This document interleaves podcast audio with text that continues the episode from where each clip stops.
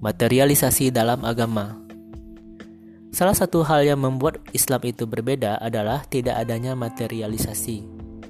Non-Islam, khususnya Western, mereka melakukan materialisasi, rasionalisasi.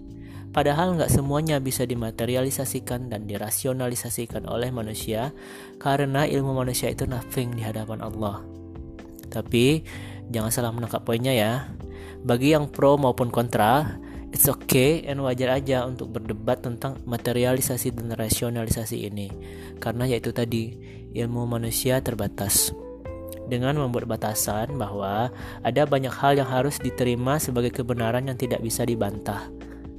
Jadi bukan nihilisme ataupun absolutisme.